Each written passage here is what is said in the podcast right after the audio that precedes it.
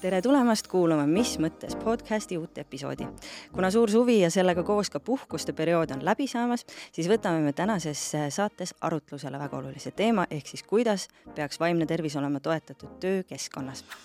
minu nimi on Marta Pulk olen selle saate juht ja tegemist on Stories for Impacti poolt ellu kutsutud ja Erasmus plussi poolt toetatud täiskasvanuhariduse projektiga, kus me räägime, nagu ikka, vaimsest tervisest. meie eelmised episoodid, kus rääkisime sellest, et äh, milline teraapia üleüldse on tõenduspõhine või et milline on vaimse tervise ja huumori omavaheline suhe Märt Avandiga, on saanud väga head vastukaja, nii et ma tänan teid kuulamast ja kes neid episoode veel kuulanud ei ole, soovitan seda kindlasti teha. Ähm, meie missiooniks ongi tõstatada vaimse tervise olulisi küsimusi ja selleks kutsume iga kord saatesse külla erinevaid inimesi, keda kõiki ühendab üks asi, nad on oma ala spetsialistid. ja tänases äh, töökeskkonnast rääkimas on mul külas Kadi Liik, tere Kadi! tere! Kadi on Tallinna Ülikooli teenekas lektor ning organisatsiooni arengupsühholoog ja Kadi vastas istub Katrin Noormägi. Katrinil on väga pikk äh, kogemus samuti personalijuhina ja hetkel äh, oled sa ametis Rahandusministeeriumi infosüsteemide keskuses personalijuhina, kas ma ütlen õigesti? infotehnoloogia keskuses aga, aga põhimõtteliselt teeb sama välja, nii et, et kõik õige no vot, teil mõlemal on selle teemaga seoses väga pikaajaline kogemus ja olgem ausad, eks töötamine on viimastel aastatel Äh, mulle tundub, väga palju muutunud. et neid trende justkui tuleb ja läheb, on see see, et äh, tehakse suure hurraaga avatud kontoreid, siis avastatakse, et see võib-olla nii hästi ei töötagi, ähm, väga palju on töötamist mõjutanud äh, Covid pandeemia, siis kaugtööga, on tekkinud igasugust huvitavat ter-, terminoloogiat, nagu ähm, mis meil on, digilooderdamine ekraaniväsimus, Zoomi väsimus, Zoomi väsimus, nii edasi. aga mis on teie jaoks praegusel hetkel see kõige põletavam punkt, et miks see on oluline, et me räägime psühholoogiast äh, ja vaimsest tervisest äh, töökeskkonna kontekstis? no organisatsiooni vaates võib-olla see, et, et nüüd, kui see Covid äh, pandeemia tuli, siis noh, tegelikult ju ega see nii-öelda kaugtöö ei olnud mingisugune täiesti uus asi, on ju, et, et tegelikult see, inimesed seda tegid äh, ja, ja küll väiksemas mahus. Ja, ja noh, organisatsioonide jaoks oli see tegelikult suur muudatus, et, et Brauch äkki tehnoloogiline valmisolek oli olemas, nii-öelda kodudesse kolida, oli ka see nii-öelda muudatuseks vajalik möödapääsmatuse tunne, et, et ei ole varianti, kui minna aga, aga tegelikult oli see muudatus ikkagi suuresti ju organisatsiooni vaatest, inimeste vaatest äh, sunduslik ja mitte planeeritud, et mm., et muudatusi on üldiselt mõistlik äh, planeerida ja teha neid järk-järgult äh, ja, ja kaasates inimesi ja, ja, ja nii edasi. aga see lihtsalt juhtus ja see tõi ilmselt kaasa vaimse tervise osas eh, erinevaid eh, väljundeid, et noh, ühelt poolt võib rääkida sellest, mis täna on võib-olla selline väljakutse, on, on ikkagi, kuidas see kõik ära juhtida, et inimesed on kaugtööl, Kadi oskab rääkida, et uuringute baasil ka, et kui palju nad seal tahavad olla või ei taha olla, aga fakt on see, et nad on. Mm.. ja, ja juhtimisele lisab see eraldi dimensiooni, et kuidas, kuidas seda nagu kõik äh, koos hoida, et ei tekiks äh, neid, äh, nagu sa enne ütlesid, igasuguseid pidulikke asju nagu sotsiaalne distantseerumine ja ja mis, mis siis kõik see kaugtöö, võib-olla organisatsiooniga seotuse mm, hajumine mm., et, et kuidas neid asju kõiki siis äh, ikkagi üleval hoida ja, ja ka juhtide jaoks on oluline see, et kuidas teadlikult tegelikult äh, oma inimesi märgata, et väga lihtne on ära unustada, et ta istub seal kusagil äh, kodus, et, äh, et aga inimese sellised noh, baasvajadused sotsiaalse loomana on ikkagi need, et on vaja olla märgatud ja, ja saada tagasisidet, noh, samamoodi kui me räägime nendest samadest veebikoosolekutest, eks ju, et et, et, et mina nimetan seda nii-öelda nimed marmortahvlil äh, efektiks, kus sul on kõigil kaamerad kinni ja, ja koosolek toimub, eks ole, et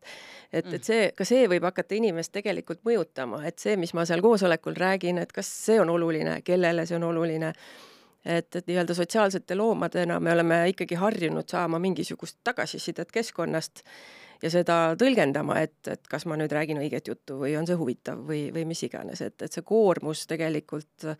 ja võib-olla ka selle töö tähenduslikkuse hajumine tekib sellistes olukordades, kus sa seda tagasipeegeldust ei saa mm -hmm. piisavalt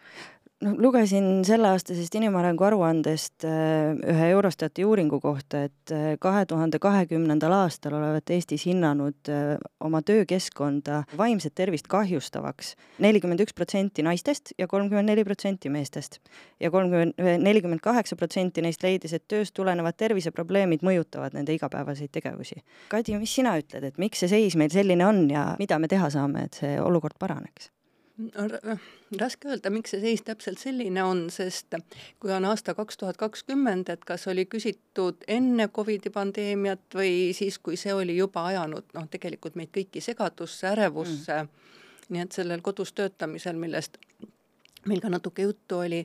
on ju noh, medalil mitu külge, et ühest küljest võib olla ju noh, päris mugav panengi, eks ole, ainult nime ekraanile ja, ja toimetan omasoodu, teiselt poolt on seal ka mitmed ohud.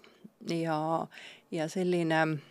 ma mõtlen, mis võiks olla üks selline vaimse tervise probleem või, või noh, neid tegelikult tuleb mitu, üks on kohanemine, uus olukord, hulka määramatust, mis tekitab pinget, teine probleem uued äh, rollid, mul võivad rollikonfliktid olla, ma ei saa, mis on stressi ennetamisel üks oluline asi või ka maandamisel, et mul oleks võimalus ennast töökeskkonnast võib-olla välja lülitada mm., tegeleda mingisuguste teiste teemade ja probleemidega, seal ma olen noh, kogu aeg topeltrollis ja, ja topeltpinges. ja noh, oleneb jällegi, ülikooli inimesena pean ütlema, et oleneb ka, kuidas küsida tehti ja mm -hmm. kuidas neid tulemusi interpreteeriti. et kas see tuleneb tööst või mul on noh, see ärevus ja pinge sees, võib-olla isegi depressioonikene piilub juba ja noh, ma omistan selle töökeskkonnale, sest ma näen ka seal, et juht käitub halvasti, kolleegid on noh, mitte niisugused, nagu nad võiks olla, ülesandeid on liiga palju, tulemust on liiga vähe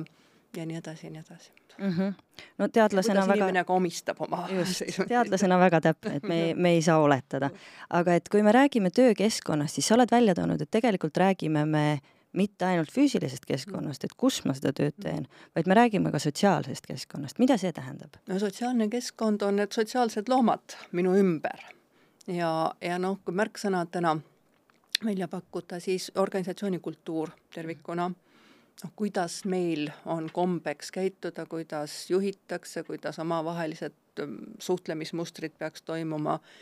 ähm, mis on lubatud, mis võib-olla mitte nii väga, no kuidas on võib-olla delegeeritud mingid ülesanded, kuidas inimesi koheldakse, kas see on õiglane,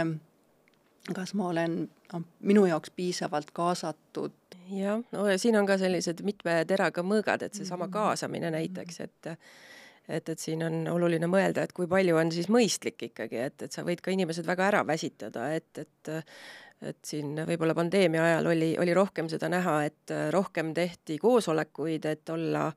olla rohkem pildis ja koos, aga, aga siit samast tekib seesama ekraaniväsimus, et, et või see Zoomi väsimus, et mm. et kus sa kogu aeg jälgid ekraanil mingisugust hulka inimesi ja, ja, ja veel, kui nad äh, oma nägu seal ei näita, et siis sa püüad ka inter-, interpreteerida ja panna mingisugust tõlgendust sinna juurde, et mida nad mõelda võivad, eks ole, et et, et meie näiteks oleme hästi mõelnud selle peale praegu oma asutuses, et kuidas ikkagi koosolekuid teha efektiivsemaks, kuidas lühendada nende aega ja, ja kuidas ikkagi hästi läbi mõelda see, et keda, kes seal siis ikkagi peavad olema, et, et mitte, mitte sellist suurt koormust tekitada just selle ekraani mm., ekraani taga ka aga et kaasamine lihtsalt kaasamise pärast või et sellise üldise väärtusena, et meil on hästi demokraatlik, e, ei pruugigi olla tegelikult tõhus, vaid raiskab inimeste aega. raiskab aega ja noh, okei okay,, ma ju võin seal taustal, mul käib see koosolek seal taustal, ma pean seal olema, võib-olla praen kotletti taustal, eks ju, aga noh, mis väärtust see loob organisatsioonile, mis väärtust sellele inimesele, et pigem, pigem see on nagu noh, ta võiks midagi muud ilmselt teha sellel ajal, mis võib-olla loob tema, tema töö kontekstis suuremat väärtust.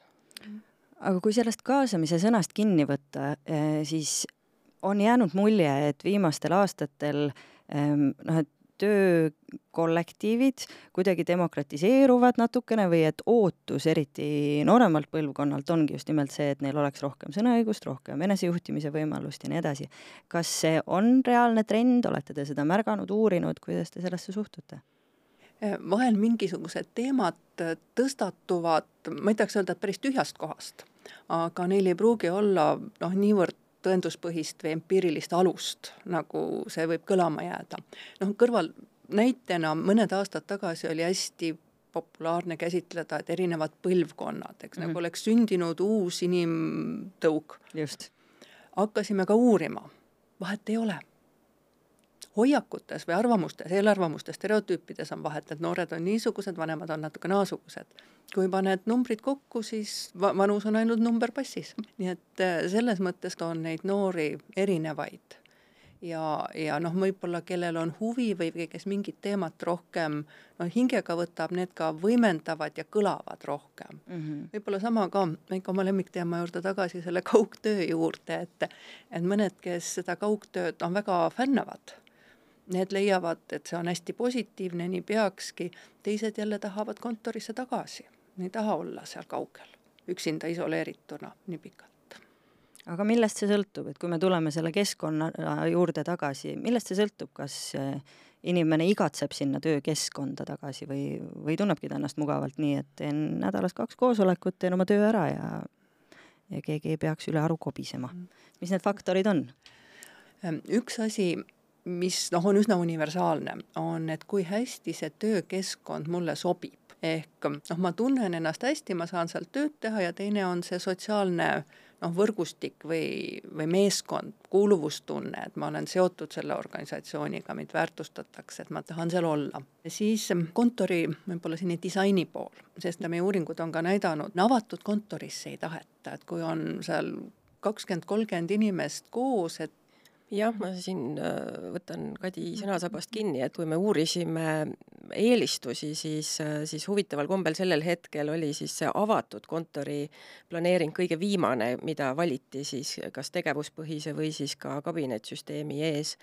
et, et see müra ikkagi äh, ilmselt inimesi päris palju segab just mm, -hmm. et aga noh, tegevuspõhises kontoris on enamasti planeeritud äh, mingisuguseid nii-öelda eri, eri tüüpe ruume, et mida, mida saab siis kasutada selleks, et, et seda äh, distantsi ka tekitada vajadusel, kui, kui, kui seda on vaja saame seda terminit äkki natukene lahti rääkida, et milline on siis tegevuspõhine kontor, kas see tähendab seda, et telefonikõnedeks on üks koht, äh, koosolekuteks teine koht? see tähendab printsiibis seda, et sul tegelikult äh, ei ole alati oma töökohta üleüldse, et, et sul ongi töö tegemiseks erinevad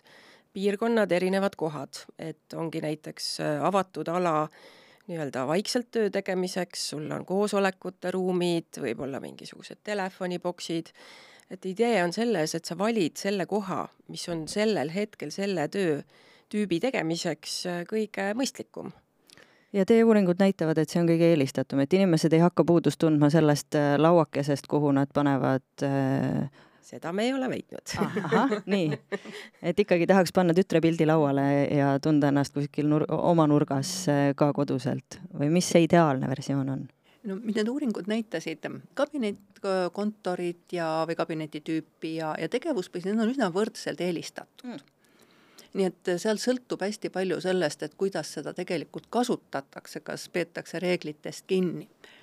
aga see, mis puudutab seda oma koha tähistamist, sellel on ilus nimi, see on paigakiindumus. ja see on seotud sellega, et ma märgin ära, et ma kuulun siia, see on minu ala, ma kontrollin seda ala, ma identifitseerin selle alaga ennast nii et noh, see, see on ka üks, mis võib-olla organisatsioonis on oluline, et ma saan tähistada, et minu koht selles maailmas mm. -hmm aga kui individuaalsed need eelistused on, et kas on ka inimtüüpe, kes ütlevad, et tahakski olla ainult selles suures kontoris, karjuda üle kolmekümne inimese sinna kontori teise otsa, et Katiga sprinter töötab? ilmselt neid on, kellele see sobib, sest mis on nende suurte kontorite ja tegelikult ka tegevuspõhistes, kui inimesed ei ole mitte igaüks omas nii-öelda boksis, vaid, vaid suhtlevad, et seal võib olla koostöö parem, koostöisus suurem, äh, seal võib olla ütleme sellist innovaatilisust rohkem, et kui ma olen kontoris, siis mõnede ideede vahetamine ja, ja see toimub kuidagi sujuvamalt kui see, kui ma saadan kellelegi emaili, siis ta kolme tunni pärast vastab, mul on juba noh, teised teemad peas see meilide teel suhtlemine on üldse kõigil, ma arvan, et paljudele kontoris töötajatele selline rist ja viletsus, et tõepoolest küsimused, mille võib-olla saaks äh, näost näkku ära rääkida viie minutiga, venivad mingisugusteks kahe päeva pikkusteks meilivahetusteks, kus igaüks vastab äh, mõne tunni järel. olete teie seda samuti märganud? absoluutselt jah, need tapeetkirjad nii-öelda kipuvad aeg-ajalt levima, aga noh, õnneks on kõikvõimalikud muud äh, Äh, nii-öelda suhtlemise vahendid ka, Teams ja, ja Slack ja, ja nii edasi, neid on, on palju, et Skype ja et, et mida, mida siis ilmselt rohkem kasutatakse, aga noh, ka seal on see, et kui kümme inimest hakkavad mõtteid vahetama, siis siis kruti sa siis pärast seda jutuajamist ja mõtle, et, et kus see siis iva oli parasjagu, eks ole mm., et et, et noh, see on ka teiselt poolt e e erinevate suhtlemiskanalite puhul ilmselt äh, oluline tähele panna, et, et see fookus püsiks, aga jah, seda peab küll tõdema, et aeg-ajalt seal kohvinurgas saab asjad kiiremini ära räägitud oluliselt ja, ja ka mõistmine on parem. sest et noh, mis on sellise virtuaalse suhtlemise üks aspekt on kindlasti, et, et millist tähendust me hakkame ise omistama ja, ja kas see loob aluseks mingisugustele väärarusaamadele, valestimõistmistele näiteks, et üks saatis kirja, mina tõlgendasin nii,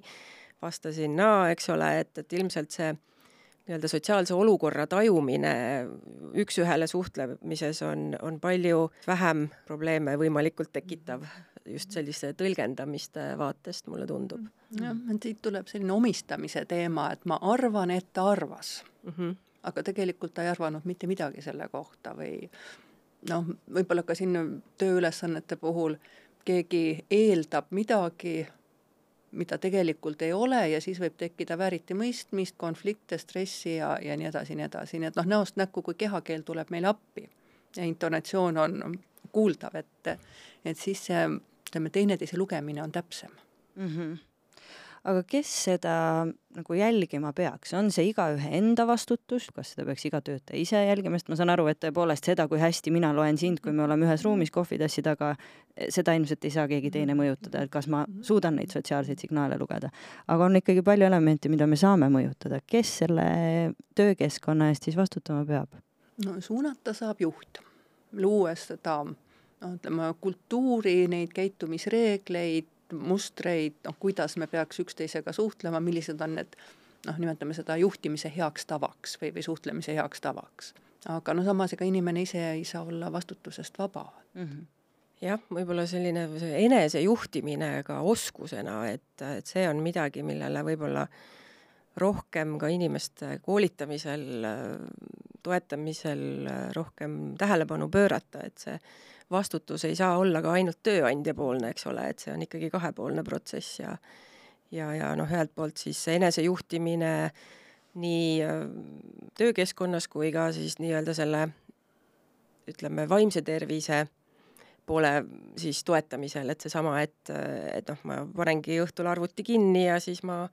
tegelen teadlikult millegi muuga, mitte ei tegele kodukontoris kakskümmend neli seitse, on arvuti kusagil äh, kohvilaua peal kogu aeg lahti ja siis sa käid piilumas, et mis seal siis parasjagu toimub, eks ole, et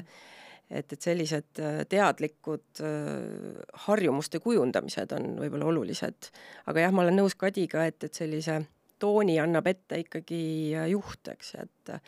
et, et kas siis nendest võib-olla koos läbi räägitud reeglitest siis lõpuks peetakse kinni või, või siis mitte, eks aga kui te peaksite andma hinnangu, et kui kõrge meil see standard praegusel hetkel on selles juhtimiskultuuris ja selles, et kui äh, hästi osatakse aastal kaks tuhat kakskümmend kolm Eesti Vabariigis jälgida seda, et töökeskkond oleks vaimset tervist toetav, just nimelt juhtide poolt, kas äh, on mingisugune standardiseerimine ka nagu toimumas, äh, mida me ootame, mida me peame okeiks, või on ikkagi nii, et kollektiiv- ja juhtimisstiile on nii palju, nii, et see maa, maa on nii kirju nagu issanda loomaaed? ei tea. ma arvan, et see on issanda loomaaed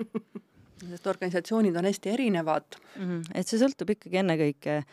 juhi teadlikkusest ja inimeste endi enesejuhtimisoskustest ja see teadlikkus on ilmselt see, et kui, kui sa oskad tähele panna või siis üldse mõelda näiteks mingisuguses kas või teoreetilises kontekstis, et noh, kui me räägime ma ei tea, psühholoogiast, eks ole, me räägime motivatsioonist, et, et siis et noh, me püüame siis mõelda näiteks enesemääratluse teooria kohaselt, et, et mis peavad inimesel olema, et, et et ta oleks valmis siis panustama, õppima ja toimetama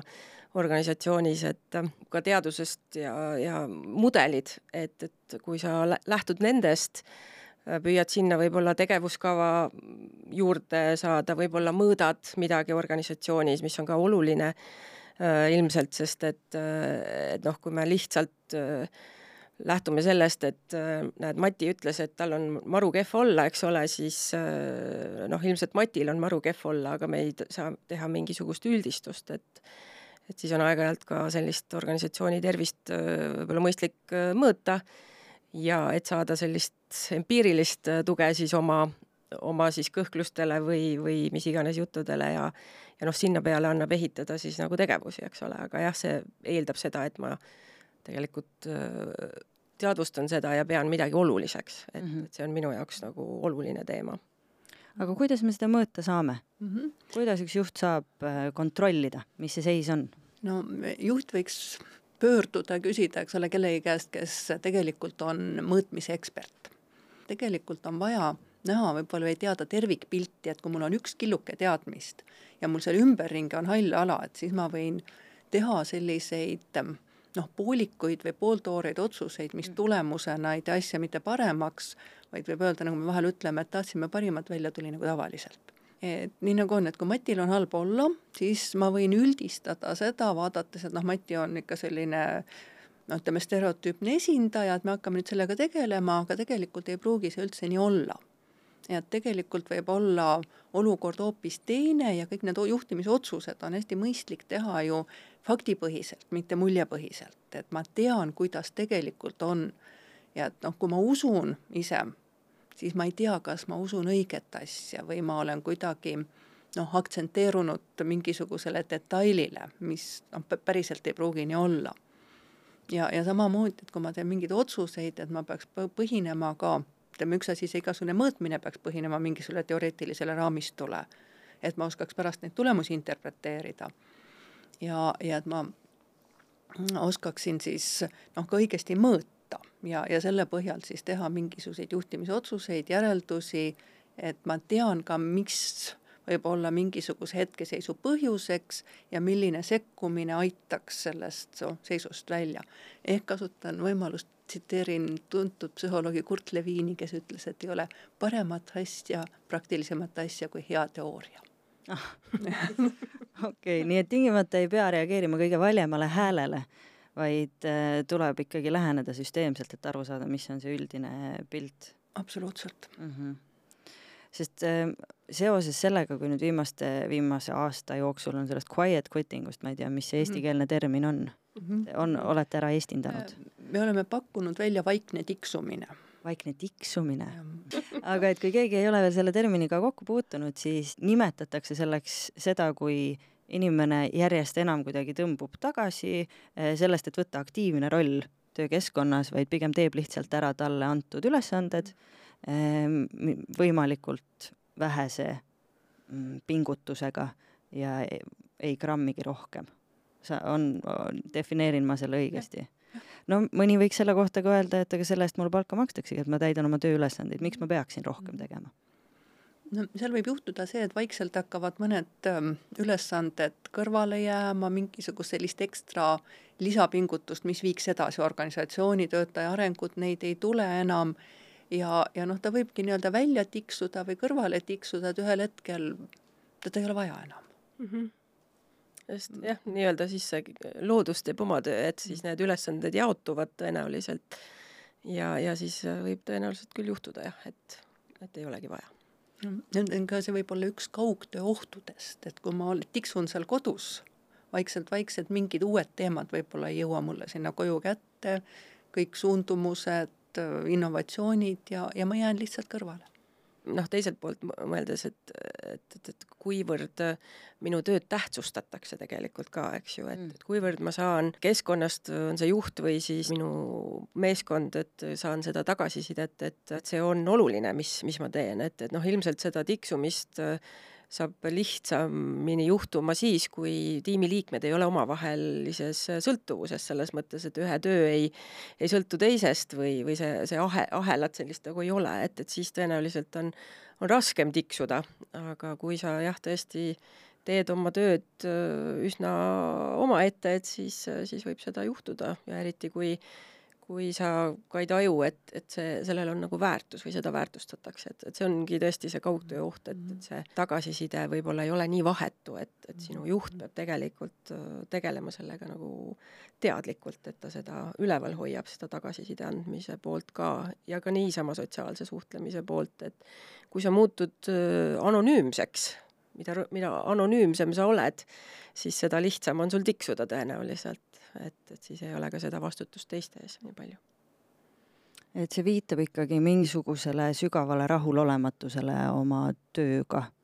Või et eh, ma oletaksin, et seda tiksumist võib-olla märkabki esimesena inimene ise, sellist ebamäärast rahulolematust, mingit motivatsioonilangust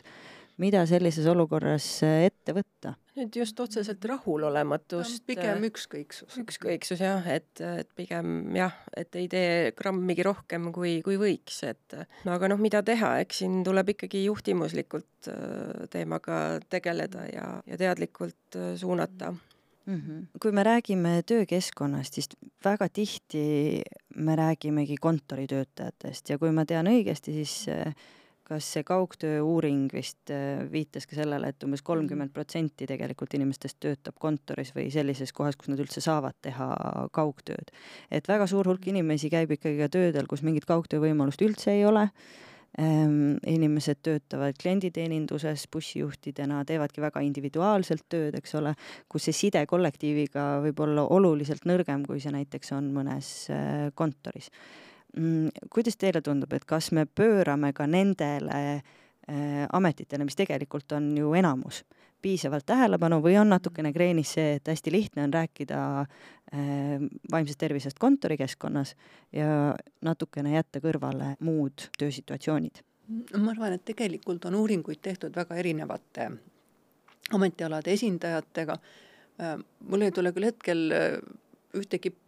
bussijuhtidega seotud uuringut Eesti kontekstis meelde. aga need, mis puudutab klienditeenindajat, ütleme sedasorti sektorit, võib-olla seal ka noh, hooldekodud, sanitarid, hooldajad ja, ja nii edasi, et et neid on uuritud, noh, meditsiinipersonal samamoodi, kes kaugtööd noh, kuidagi ei saa mm -hmm., medõed, et tal on vaja ikka süsti teha, siis ta peab olema seal kohal. nii et neid on uuritud küll ja seal võivad olla, no päästjad veel, mul hakkab järjest, eks ole. just, just, tulekahju kaugelt ei kustuta. jah, sihtgruppe tulema, et, et neil võivad olla natuke võib-olla teistsugused ähm, probleemid kui, kui kontoriinimestel, aga kui me mõtleme sellise noh, kuuluvustunde peale või see, et kuivõrd ta tajub, et tema töö on tähtis, ehk inimene tahab ju olla eks ole, märgatud ja, ja oluline selles organisatsioonis. et siis need probleemid on ikka suhteliselt samad. sa oled välja toonud ühe sellise termini nagu organisatsiooniline enesehinnang. on organisatsioonipõhine enesehinnang, aga sisu tegelikult ei muutu ja see tähendab seda, et noh, enesehinnang üldiselt mul võib olla kõrgem või madalam, aga see organisatsioonipõhine on siis kitsendatud sellele, et kuivõrd ma tunnen, et organisatsioonis olen ma oluline tegija minust sõltub midagi, minuga arvestatakse või noh, tänu minule on siin asjad noh, kas kontrolli all või korras ja, ja see on üks, kui me räägime nüüd võib-olla sellise vaimse tervise poolest, et kui mul on enesehinnanguga asjad hästi, ma tunnen ennast hästi, siis on mul ka ütleme, võib-olla sellist äh, ärevust või, või depressiivsust vähem. ja, ja seda enesehinnangut saavad jälle juht ja kolleegid väga hästi noh, toetada ma ei ütle, et teda peaks tõstma liiga kõrgele, siis läheb asi teistpidi kreeni. aga et ma tunneks, et ma olen noh, ma saan hakkama, ma olen tore, ma olen tubli, ma olen vajalik. no Eesti kontekstis ja juhtimise vaatest mm -hmm. ilmselt on see see, et, et tõesti ka see teadlik tunnustamine võib-olla ka nende asjade eest, mis, mis tunduvad, et noh, see ongi ju tema töö osa, eks ole, et, et, et ikkagi noh, juhte arendada selles, selles vaates, et, et märgata ja, ja tuua välja ja kinnitada siis seda, mis, mis on hästi. et, et see ilmselt aitab kaasa ka inimeste vaimse, vaimse tervise hoidmisele ja noh, loomulikult ka tööpaiga fun, et kui inimesed ja. ikkagi kokku saavad ja ja, ja ka see, ütleme, nii-öelda mingisuguse kollektiivi osaks olemine ja aktsepteeritud äh, olemine selles sotsiaalses koosluses, et ka see ilmselt aitab äh, kaasa selle, sellisele võib-olla heale tundele. heale tundele jah, just, et äh. kas on ka mingid uuringud, mis kinnitaksid seda, et äh, inimesed, kelle organisatsioonipõhine enesehinnang on kõrge või et kes tunnevad ennast olulisena, väärtustatuna, et nende töö on tulemuslikum, efektiivsem?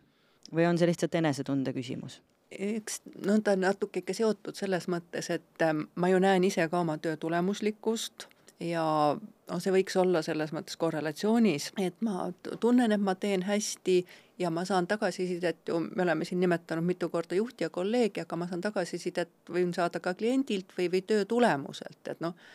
kondiiter, et see tort tuli mul tõesti ilus välja ja, ja noh, ma tunnengi ennast selle võrra paremini.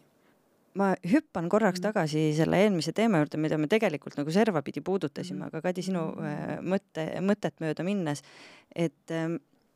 me oleme rääkinud keskkonnast, väärtustamisest ähm,, aga mis siis lõpuks defineerib selle, et ähm, et kas inimene püsib töökohal või ta kõnnib sealt minema, sest väga palju on ju ka inimesi, kes ei, ei, võib-olla ei ole töökeskkonnaga rahul, võib-olla ei sobi neile see töö iseloom, nad tunnevad, aga kes ei lähe ka minema. et miks seda tiksumist äh, nii palju nagu kujuneb, miks inimesed ei lahku? üks selline püsimise või, või tööga pühendumise mm, tüüp on alalhoidlik pühendumine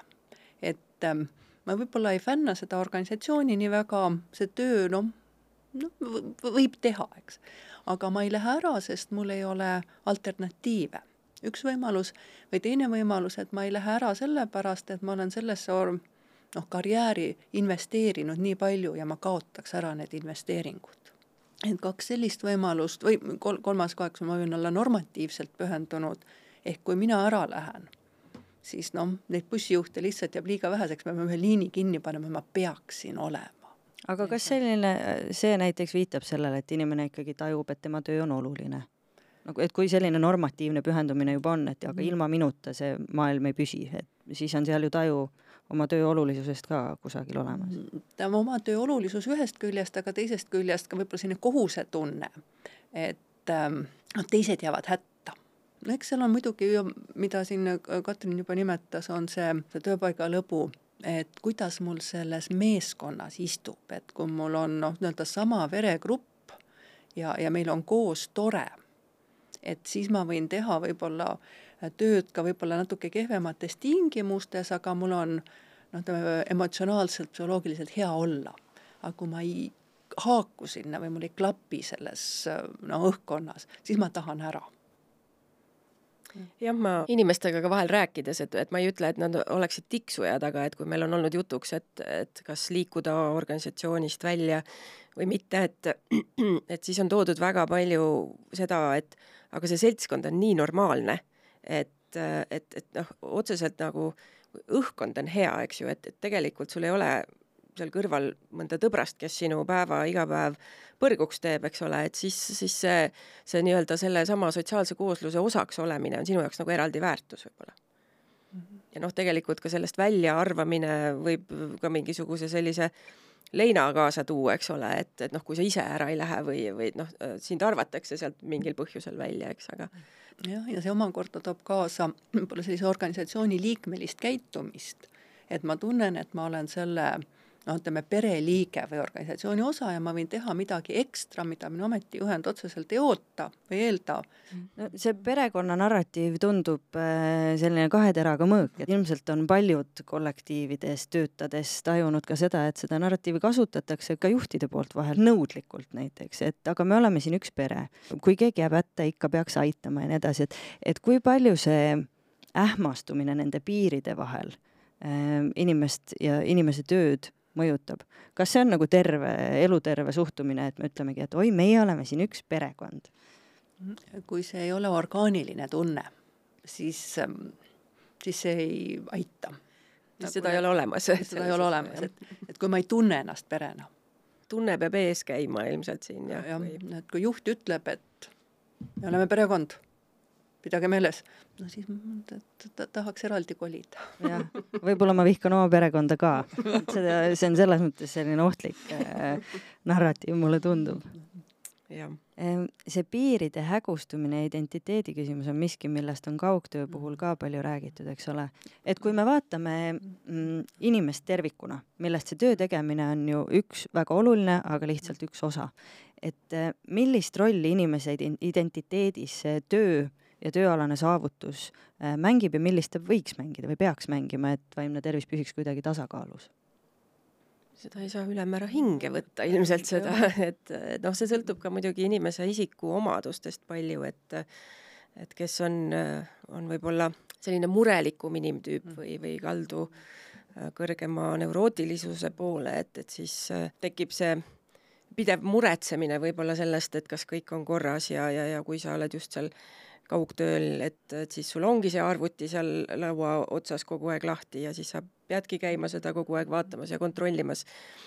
et, et siin me tuleme jälle selle enesejuhtimise juurde tagasi ja teadvustamise juurde võib-olla, et noh, inimene muidugi ise ei pruugi üldse aru saada, et see pole võib-olla terve tegevus, eks, aga, aga siis võib-olla saab ka organisatsioon aidata ikkagi äh, sellega, et, et kuule, ärme nüüd õht-, alati neid, ma ei tea, kirju vaheta või et, et tõmbame kuskile siis piiri, et selleks igaks asjaks on oma aeg äh, ja koht.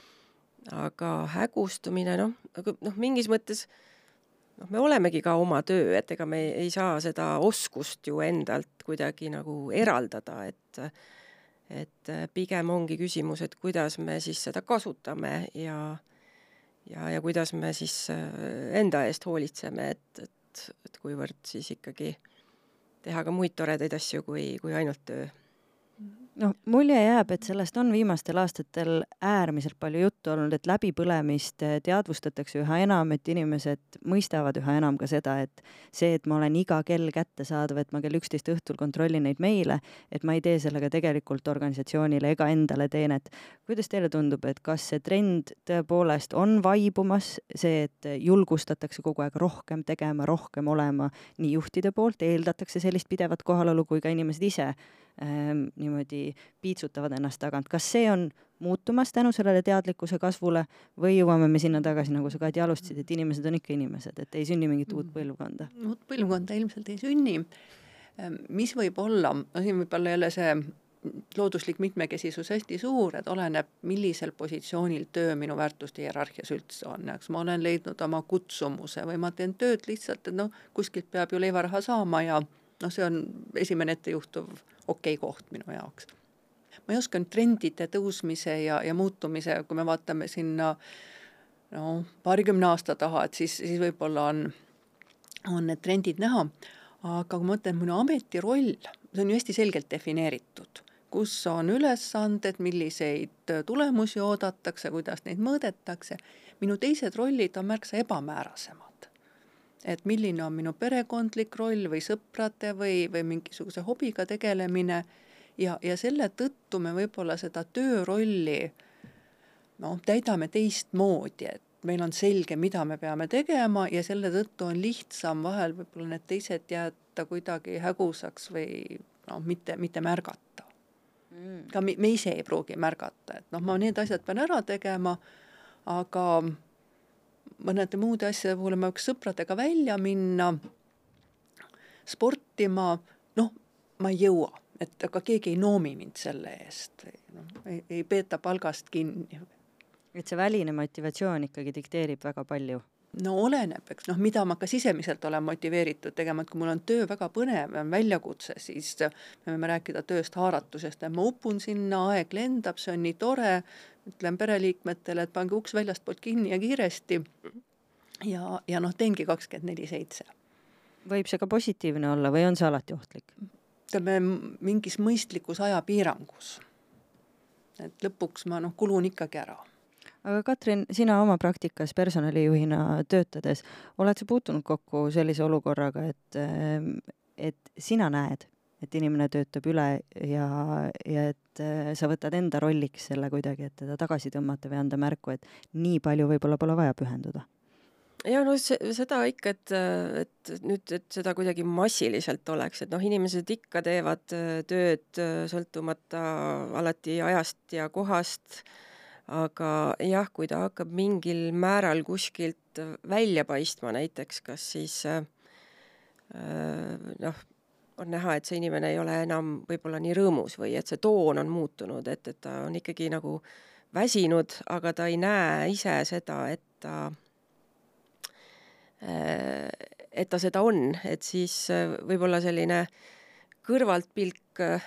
rahulikult, rahulik kõrvaltpilk võib-olla toetav siinjuures, eks, aga aga noh, iga inimene ikkagi peab oma otsuseid ka ise tegema, et, et noh, mida organisatsioon võib-olla saab veel täiendavalt teha, on seesama enesejuhtimise poole võib-olla arendamine ja võib-olla ka selline ennetav tegevus mingisuguste vaimse tervise praktikate võib-olla koolitamine või, või noh, me, meie oleme näiteks teinud äh, selliseid pikemaid äh, kursuseid majas äh, inimestele, kes ise tahavad õppida oskuseid, kuidas oma emotsioone paremini võib-olla reguleerida. et jah, et inimese eest vastutust ei saa ära võtta, aga, aga tõesti saab märgata, saab selle üle aru pidada ja saab ka organisatsioon võib-olla laiemalt mingisuguste süsteemsete tegevuste kaudu siis äh, ka võib-olla ka ennetada tõesti mm. -hmm aga kui me vaatamegi siis seda üldist pilti, et mida organisatsiooni tasemel inimeste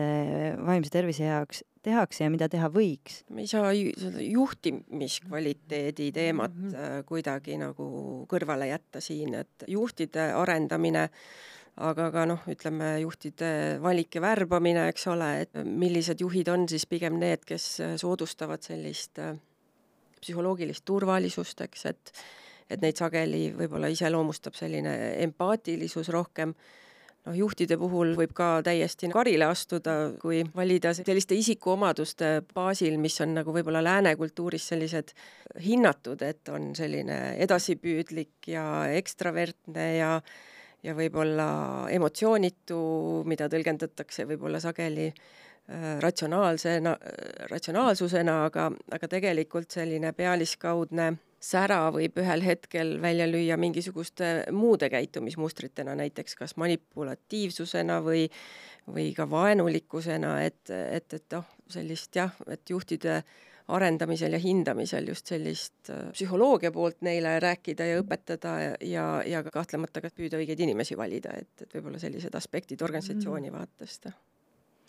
kas ähm, on võimalik, kui me seda värbamist korra puudutasime, eks ole, et võib-olla ma kandideerin ametikohale, mis mulle tundub, et on küllaltki huvitav, hea palgaga, aga võib-olla mu isikuomadused tegelikult ei sobi. kas ähm, värbamisprotsessis ka pööratakse tähelepanu äh, sellele, et et mul võib ka olla vastav kvalifikatsioon, aga noh, et kas ma sobin psühholoogiliselt inimtüübilt sellesse positsiooni? Kindlasti on see oluline jah, et, et see tekitab äh, sulle endale stressi tõenäoliselt, kui, kui see roll, rolli ootus ja sinu valmisolek seda täita lähevad vastuollu, et, et siis tõenäoliselt ei, ei sünni kasu kummalegi poolele jah, et siin on hästi oluline ka ütleme, võib-olla selline äh, värbaja või valija psühholoogia valdkonna ettevalmistus, et ta oskaks inimest mõõta, hinnata, noh, välja lugeda, et äh, kas see tegelikult, see töö ja inimene saavad kokku sobima või mitte. aga kui me oleme töökeskkonnas ja ütleme, et inimesel on mingi vaimse tervise probleem, mis ei pruugi üldse olla selle töökeskkonnaga seotud, äh, mis on seal see olgu siis ütleme, tööandja või organisatsiooni vastutus või üldse võimekus sekkuda, märgata, uurida, et noh, et on see üldse okei okay öelda, et kuule, tundub, et sul võib-olla on depressioon näiteks või on nii, et see on mu eraasi ja see ei puuduta mitte kedagi. Kui keegi märkab, ta peab väga täpselt teadma esimese asjana oma piire, et mida ma võin noh, teisele nii-öelda omistada või arvama hakata, et kui ma ütlen, et Katrin, sul vist on depressioon, siis no ma võin, võin väga sügavalt eksida ja ma võin oma sellise noh, abi pakkumisega pigem noh, tekitada probleeme, mitte, mitte kasu. aga edasi suunata, kui keegi märkab, ega juht ei saa võtta kindlasti mitte psühholoogi või, või sotsiaaltöötaja rolli, et siis mm -hmm. no siin saabki võib-olla see läbi selle tagasi peegeldamise, et ma olen märganud, et, et võib-olla asjaolud on kuidagi varasemaga võrreldes muutunud, et, et kas see kuidas see sulle endale tundub, eks ole, et, et jah, ma olen ka päris et, et väga nõus, et et kui Kadi tuleb ja ütleb, et kuule, et sul on depressioon, no võib-olla Kadi ma isegi usuksin, eks ju, tema haridusliku tausta poole pealt, aga kui mõni kolleeg tuleks seda ütlema, et siis, siis tõenäoliselt jah, ma mõtlesin, et peast oled põrunud või suuremates ettevõtetes, organisatsioonides ongi palgal personalijuhid, kes äh, tegelevad teadlikult sellega, et äh, töökeskkond oleks toetav, et inimesed oleks märgatud, et juhtimiskultuur äh, paraneks ja nii edasi. Ehm, väga paljudes kollektiivides seda luksust tegelikult ei ole. et ühes kaheksaliikmelises väikeettevõttes ei hakka kunagi olema personalijuhti, on ju kas siis ongi nii, et kõik sõltub juhist ja et näiteks kui juht ei ole küllalt teadlik, ei oska neile asjadele tähelepanu pöörata, siis on iga mees enda eest või on siin mingisugune selline, ma ei tea, vahepealne variant ka, kas võiks olla mingid, ma ei tea, kollektiivi usaldusisikud, midagi säärast? no keegi ilmselt noh, seda rolli kannab, personali rolli ja, ja ma kujutan ette, et igal väikseolgusel siis kaheksa või kaksteist inimest, neil on ka töötervishoiu teenuse osutajaga mingisugune suhe. jah, see on seadusest tulenev jah, tõesti jah. millised kohustused on täna tööandjatele pandud selleks, et töökeskkonna vaimset tervist üldse jälgida? no tööandjatel on kohustus teha riskianalüüsi ja nüüd on ka psühhosotsiaalsed ohutegurid seal üks üks äh, aspekt, äh, mida hinnata ja mille juurde siis, kui see on problemaatiline, siis ka tegevuskava teha. et äh, noh, kaheksaliikmelises organisatsioonis võib-olla see ma ei tea, kuidas see täpselt see riskianalüüsi protsess võiks välja näha, aga vot seda ma mõtlengi, et, et ühest küljest väga tore, et seaduse tasandil on määratletud selline vastutus, aga noh, ütleme, et ongi, ma ei tea, kaheteist mehega saekaater. mida see riskianalüüs seal tähendab? Noh, saekaatri puhul on ikkagi vaimse tervise, vaim, me räägime vaimset tervist, mis on muidugi ühendatud, aga jah, okei okay. no see nõue on ikkagi olemas neid riske hinnata, ehk et siis sa paratamatult pead neid teadvustama. ka töötervishoiuarst tegelikult täna juba äh, peaks hindama ka seda psühhosotsiaalset poolt, et äh, mul, minul täna puudub see teadmine, et et milliseid võib-olla tööriistu kasutades nad seda teevad, eks ole mm, -hmm. et või et kui, kui tööandja saab äh, tagasi töötervishoiuarsti kokkuvõtte, et äh, vaja tegeleda äh, siis ka selle psühhosotsiaalse poolega, et et noh, millele tuginedes ta siis on seda nagu hinnanud ja noh, kui selline hinnang on, siis paratamatult ilmselt tuleb sellega ka kuidagi tegeleda, aga, aga see eeldab ka ilmselt siis seda valmisolekut ja ka motivatsiooni sellega tegeleda, et, et noh, ikkagi hästi palju sõltub sellest organisatsiooni juhist siis ikkagi, mulle tundub. jah, juht peab olema hästi teadlik, kui on ära hinnatud, et mida see hinnang sisuliselt tähendab ja, ja mida ta saab teha või mida ta ei saa teha. No, no häda on ilmselt selles, et töötervishoiuarst ei saa sulle öelda, et vot see probleem on siin mm.. et, et, et nüüd tegele sellega, et ta saabki ilmselt selle üldistuse, kuna tegemist on terviseandmetega, et ta saab üldistatult viidata, et võiks tegeleda, aga ta ilmselt ei pane näppu peale sellele, et mida teha, et sellega peab ikkagi organisatsioon ise tegelema, et nii, nii lihtne see paraku ei ole, et keegi ütleb et näed, siin on see ja plaaster on siin, et mm -hmm. ikkagi organisatsioonil on endal see vastutus see on üks väga huvitav küsimus, et ühest küljest nõue on olemas, aga just nimelt see, et kuidas seda praktiliselt rakendatakse, mulle tundub, et see võib olla üks teema, mille, mille me võib-olla peaksimegi täiesti eraldi ka kellegagi eh, riigi esindajatest ehk ette võtma, et eh, Tegelikult mis see igapäev on? tööelu eh, lehel, ma just vaatasin üks päev, oli ka psühhoso-, psühhosotsiaalsete ohutegurite eraldi täiesti lehekülg ja seal olid ka teatavad sellised abivahendid selline checklist, et, et kas sa tegeled oma organisatsioonis nende, nende asjadega ja, ja noh, kui sa paned nii palju ei-sid ja nii palju jah-et, siis sa võiksid nagu hinnata, et mm., et kas, kas seda võiks kuskile poole nihutada, seda poolt. ja noh, minu üllatuseks ma ei olnud sellega varem kursis, et on isegi psühhosotsiaalse et ohutegurite ISO standard tekkinud, et mul küll puudub teadmine, et millal ta täpselt tekkis ja et võib-olla ta on juba ammu olnud, aga aga jah, et seda te teemat natuke uurides, et, et selline et, et, et on, on nii nagu süsteemselt ka võimalik tegeleda, et sa lausa nii-öelda kvaliteedijuhtimissüsteemi tasandil tegeled ja WHO on muidugi andnud välja oma soovitusi ka, need on ka täiesti avalikud ja kättesaadavad, mida, mida kõik saavad ilmselt äh, uurida ja lugeda. Väga hea, kõik need viited paneme selle episoodi juurde Stories for Impacti kodulehele üles, nii et kes soovib edasi lugeda, saab seda teha, et põhjalikumalt süveneda. aga mina küsiks Kadi veel sinult, et eh, võib-olla eriti iseloomustab see suuremaid võib-olla tehnoloogiaettevõtteid, aga on ka märgata seda, et on ka osades kollektiivides juba psühholoogid palgal. mida see tähendab, kas need psühholoogid on käehoidjad, nõustajad või tegelevad nad ainult tööalase sooritusega, kuidas sa sellele uuele, uuele nähtusele vaatad? vaatan uuele nähtusele suure rõõmuga ja natuke taustana, et kui me räägime psühholoogide ettevalmistusest Euroopas, siis on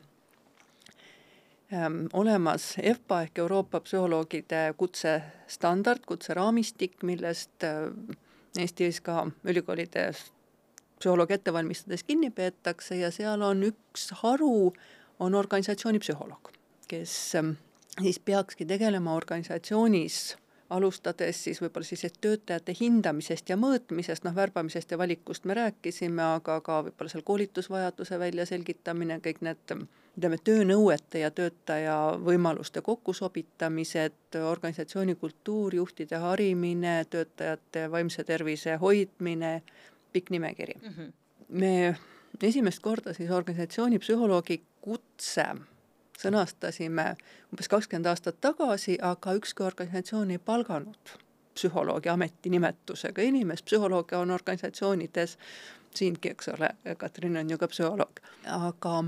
nüüd siis on uuesti, ütleme see, ma arvan, et osalt kõlab küll halvasti, aga osalt tänu Covidile on see uuesti kerkinud ja, ja meil on ka uuesti plaanis see organisatsiooni psühholoogi kutsestandard ellu kutsuda, et, et organisatsioon saakski Äh, värvata ja palgata psühholoogi, kes oskab nii inimest äh, ütleme, üksikisiku tasandil hinnata, mõõta, nõustada ja, ja vajadusel ka edasi suunata, kuni siis organisatsiooni ütleme siis protsesside disainimiseni välja. kui mul käis külas Kene Vernik, kellega me rääkisime une ja vaimse tervise seostest, siis üks teema, mida me puudutasime, oli näiteks see, et inimesed, kes teevad öötööd, tihti puudutab see ka neid, kes teevad vahetustega töid, et inimesed näiteks, kelle unerütm juba töö tõttu on äärmiselt ebaregulaarne, ehm, kuidas sellistes ametites üldse on inimesel võimalik ja võib-olla teeb seda tööd aastakümneid oma vaimse tervise eest ehm, hoolt kanda? ma ei ole, me ei ole eks, ekstra uurinud, aga, aga kaks noh, mõtet, mis mul lugedes erinevaid uuringuid on praegu pakkuda. üks on see, et öötöödelt, ähm, no ütleme, või neid öötöid äh, või selliseid vahetusi, üldse vahetusi teeb teatud tüüp inimesi, kellel on ütleme, see organismi erineva ärkvel- ja unetsükliga kohanemine lihtsam. ehk medõed näiteks, eks ole, ütlevad, mõned ei tee vahetusi, mõned teevad vastavalt sellele, kuidas see sobib. ja teine selline äh, noh, natuke võib-olla ääreala teema on see, et kuidas on meil need, noh, kuidas me ütleme, et hommikuinimesed, õhtuinimesed, et õhtuinimesed kohanevad paremini sellega, kui neil see unetsükkel on häiritud, võrreldes siis need, kes on need nii-öelda leokesed. aga jah, et kui see inimesele tervise peale hakkab, siis ta ei peaks tegema vahetustega tööd. just lihtsalt hiljuti kuulsin sellist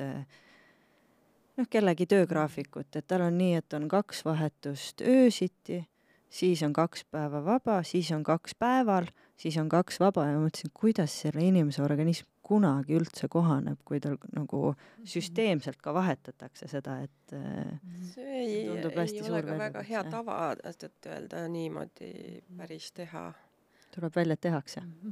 ega headest tavadest alati ei peeta kinni. jah, jah, jah, ma olen see optimist. et need pikad vahetused, et mida veel uuringud on öelnud, et inimese sooritusvõimekus hakkab pärast kaheksandat tundi vaikselt langema et sellest see kaheksa tundi, et me võime mõelda küll, et kaksteist tundi, see on rohkem vaba, et väga lahe, aga, aga tegelikult mul oleks mõistlikum teha kolm korda kaheksa kui kaks korda kaksteist mm. -hmm. Lõpetuseks ma küsin teilt ühe küsimuse, mis on meie podcastis saanud selliseks traditsiooniks mm sest et teie olete ikkagi oma valdkonna mhm. spetsialistid ja väga pädevad andma mingisuguseid hinnanguid kogemuse põhjal. ja kui me nüüd annaksime teile hoopis, äh, mitte mina isiklikult ei anna, vaid Eesti Vabariik määraks teid äh, kumbagi vaimse tervise ministriks, kellel on täielik autonoomia ja töökeskkonnale vaadates oleks teil vabadus viia ellu mõned muudatused, mis peaksid siis tagama selle, et meie vaimne tervis töökeskkonnas on hoitud. mis on need muutused, mille teie esmajoones läbi viiksite sellises rollis? just nimelt riigi tasandil, mida me saaksime teha? abi kättesaadavuse küsimus on äh, ilmselt oluline, et, äh, et, et pahatihti äh, juhtub ju nii, et tahaks küll, aga aga järjekorrad on hirmus pikad, eks, et noh, siis kui mm -hmm. räägida organisatsioonist, siis noh, võib-olla tõesti miks mitte palgata organisatsiooni psühholoog või? Et igas kollektiivis võiks olla organisatsiooni psühholoog, nii nagu koolis peab olema psühholoog, peaks ka töökeskkonnas näiteks olema psühholoog. kas nüüd äh, psühholoog, aga, aga on ka selliseid äh, teisi äh, võib-olla rolle, mida saab äh, kaasata, et on ka sellised võib-olla äh, väljaõppinud nõustajad, kes läbivad mingisuguse äh, tsükli, seda jah, kes on ka võib-olla mingis mõttes töötaja ja tööandja sellised äh, head sõna ei ole nagu vahendajad ka, et kui, kui mhm. töötaja tunneb, et tal on mure, siis ta saab rääkida sellele väljaõppinud äh, spetsialistile, kes on mingisuguses võrgustikus ja, ja kes siis äh, hindab seda võib-olla olukorda, et, et kas, kas on tõesti vaja tegeleda siin mingisuguse kollektiivis mingi suhteprobleemiga või, või on äh, probleemid juhiga, et ta saaks ka seda kuidagi tasakaalukalt vahendada või siis üleüldse hinnata, et et kas see on nagu asjakohane teema, mida võib-olla peaks kusagile ka eskaleerima, sest et et, et vahel, vahel ei ole ka see vajalik, eks, et mm -hmm. võib-olla täiesti nõus, kui Katrin ministriks saaks, aga kahtlane. aga mina mõtlesin, võib-olla see nagu ei ole ministri tasandi otsus, aga mis mulle eh, tuli mõte praegu, et mis võib olla üks selliste noh, vaimse tervise probleemide tõuketegur on see, kui inimene ja tema töö või töökorraldus ei sobi kokku. Mm.. kas need oleva, tulevad siis sellest, et on valesti valitud inimene või on võib-olla see töönõuete pool ja, ja inimese pädevused ei sobi kokku, koormused on noh, jaotatud selle järgi, kuidas mulle tundub, et inimene peaks noh, suutma, oskama, aga tegelikult seda on talle liiga palju või see on talle liiga keeruline. ehk võib-olla selliseid tasakaalustavaid noh, tegevusi või tähelepanekuid oleks, oleks rohkem vaja. et me sageli paneme inimese hakka seda tööd tegema nii, nagu noh, mulle tundub, aga aga, ja tööd saaks optimeerida, kui, kui oleks võimalik, aga, aga see nõuab eeltööd, see nõuab analüüsi ja seda noh, mis tegelikult kuigi palju ei tehta mm. -hmm suur tänu, Kadi ja Katrin, et te täna stuudiosse tulite ja oma teadmisi ja kogemusi jagasite. Ehm, see töötemaatika on miski, mis puudutab meid kõiki moel või teisel ja mulle tundub, et äh, see, et me teadvustaksime, kuidas oma vaimset tervist äh, töökeskkonnas hoida, muutub üha olulisemaks, sest nagu ka meie tänasest vestlusest selgus, palju eest vastutab tööandja, aga enesejuhtimise eest saame me vastutada ikkagi ainult ise. nii et äh, mina olen meie tänase vestluse eest väga tänulik, teiega oli väga huvitav rääkida. aitäh! Aitäh kutsumast! Eh, head kuulajad, aitäh, et te olite meiega, ma loodan, et tänane episood andis teile huvitavat mõtteainet ja kui see nii oli, siis palun märkige ennast podcasti jälgijaks, olgu see Spotify's, Apple Podcastis või Stories for Impacti sotsiaalmeediakontodel. Mm, jagage tänast episoodi ja kui see tekitas teis mõtteid või ettepanekuid, millest me veel peaksime rääkima, milliste, millistel teemadel või kellega, siis kirjutage mulle marta at storiesforimpact.com kohtume juba järgmises Mis mõttes episoodis, kus teemaks on ikka vaimne tervis, aga järgmisel korral juba uue nurga alt ja uute kõnelejatega